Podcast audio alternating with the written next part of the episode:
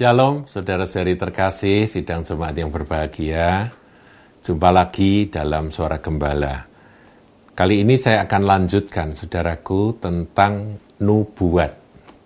Kemarin kita sudah belajar tentang bahwa yang dikejar itu adalah kasih.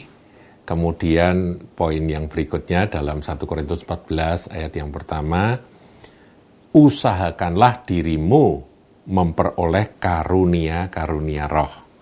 Atau saya ulang aja saudaraku ayatnya. Kejarlah kasih itu dan usahakanlah dirimu memperoleh karunia-karunia roh. Itu dua hal. Mengejar kasih dan mengusahakan diri beroleh karunia-karunia roh. Yang ketiga, terutama karunia untuk bernubuat. Mengapa karunia bernubuat ini sampai yang terutama? Apakah yang lain tidak penting? Oh, yang lain penting. Karunia kuasa penting, karunia uh, apa? Karunia hikmat marifat itu penting, semuanya penting saya ragu ya. Kesembuhan dan sebagainya itu penting sekali. Tapi mengapa kok sampai ayat ini menggarisbawahi ya sepertinya kata nubuatan itu, terutama karunia bernubuat. Nah, kita akan coba teliti ya, saudaraku. Tentunya uh, di sini Rasul Paulus membe, me, apa itu membandingkan pentingnya karunia nubuat dibandingkan karunia bahasa roh. Ya. Karena kalau bahasa roh itu manfaat untuk diri sendiri, tapi kalau karunia nubuat itu bisa bermanfaat untuk semua orang yang mendengarkan. Jadi memang itu dalam 1 Korintus 14 itu kalau sudah baca itu sekali lagi tentang karunia roh di situ dikupas supaya jangan terlalu mengutamakan bahasa roh sebab bahasa roh itu memang baik untuk diri sendiri. Bahkan Rasul Paulus berkata, aku berkata-kata dalam bahasa roh lebih dari kamu semua. Artinya kamu mau mau tanding sama aku soal lamanya berdoa dalam bahasa roh. Kalau soal itu kamu semua kalah sama aku itu Paulus mau berkata. Jadi Paulus itu tidak anti bahasa roh, saudara jangan keliru. Paulus itu tahu pentingnya bahasa roh.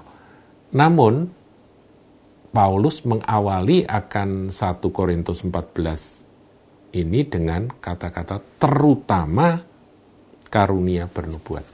Nah, saya ingin ngajak saudara untuk memperluas akan pemahaman kita tentang nubuat. Pengertian secara umum nubuat itu adalah menyampaikan akan isi hati Tuhan. Dan kita sudah diperlengkapi ya, harus dengan daya dorong. Tenaga yang mendorong adalah kasih. Di dalam kasih kita menyampaikan isi hati Tuhan, apa yang Tuhan ingin sampaikan kepada orang yang kita layani, kepada satu komunitas, pada satu gereja, atau bahkan kepada satu bangsa kepada siapa saja, saudaraku. Pada manusia lah intinya. Kita sampaikan apa yang dari Tuhan itu.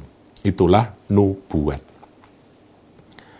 Tetapi, saudaraku, nubuat kalau kita fahami secara lebih luas, sebetulnya nubuat itu, ini ada kata ada ayat kunci yang lain, yang coba kita lihat di dalam Wahyu 19 ayat 10.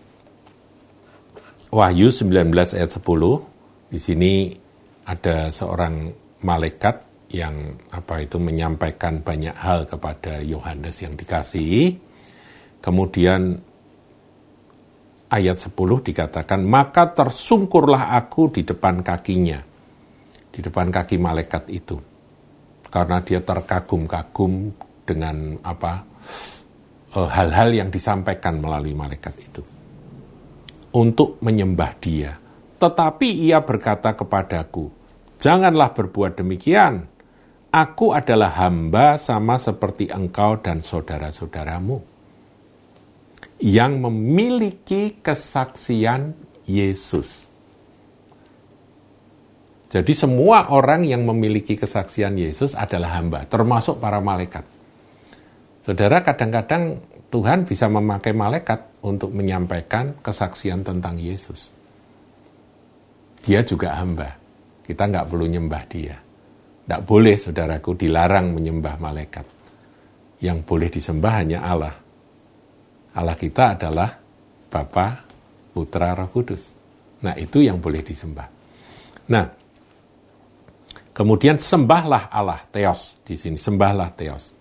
Yesus juga Theos, Yesus juga Hotheos, ya. En arche in Holocaust, kai Holocaust in Prosantheon, kai Theos in Holocaust. Jadi, uh, Yesus itu adalah Theos.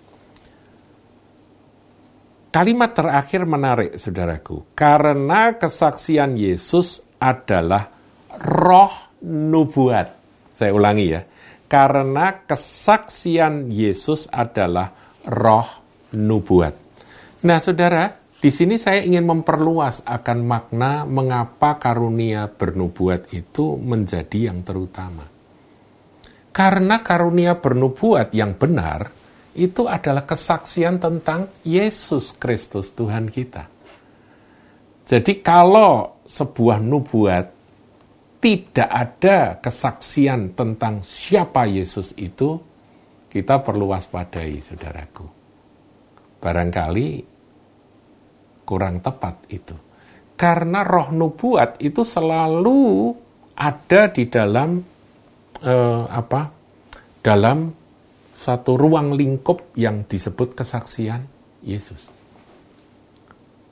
Nubuat apa pun yang yang kelihatannya nubuat eh, apa misalnya akan terjadi gempa bumi lah, bernubuat akan terjadi kelaparan lah, tetapi nanti kalau di, di, dikembangkan itu menuju pada kesaksian Yesus Kristus.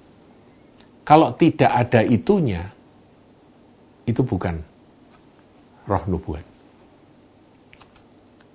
Saya berharap saudara memahami betapa pentingnya nubuat yang terkait dengan kesaksian Yesus.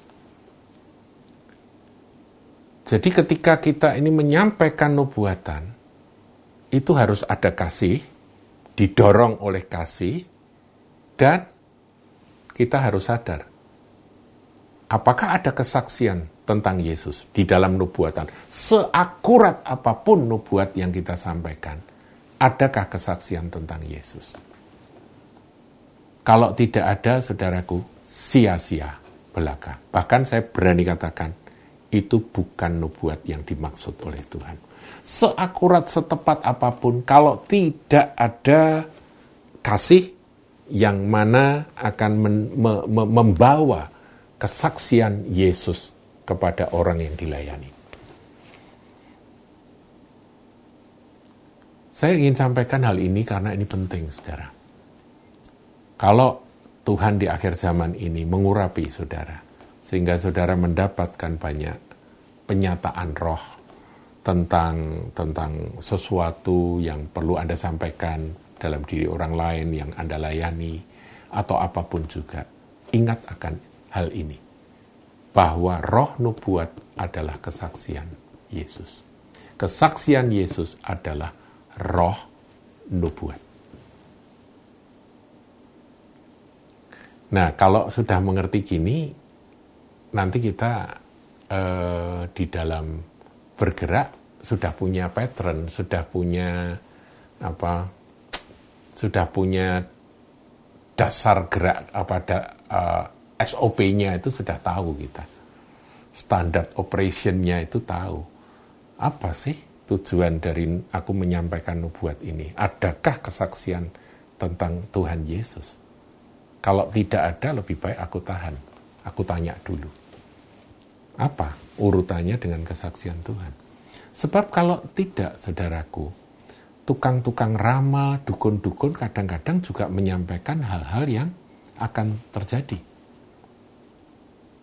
dia juga bisa menyampaikan seperti karunia pengetahuan, bisa mengetahui apa yang ada dalam pikiran seseorang, apa yang sudah terjadi dan sebagainya. Bisa, bukan tidak bisa. Dukun-dukun, saudara, orang-orang yang tidak di dalam Kristus. Tetapi nubuat yang dimaksudkan oleh firman Tuhan ini harus mengandung kesaksian Yesus bahwa Yesus adalah Tuhan, Yesus adalah Allah, Yesus adalah Sang Firman, Yesus adalah uh, Juru Selamat, Yesus mengasihi manusia dan barang siapa percaya kepadanya tidak binasa melainkan beroleh hidup kekal. Itu yang terutama. Kemuliaan hanya bagi Dia. Saya berharap saudara nangkap akan uh, pemahaman tentang nubuat yang yang satu ini Ingat baik-baik dan jangan dilupakan. Tuhan Yesus memberkati.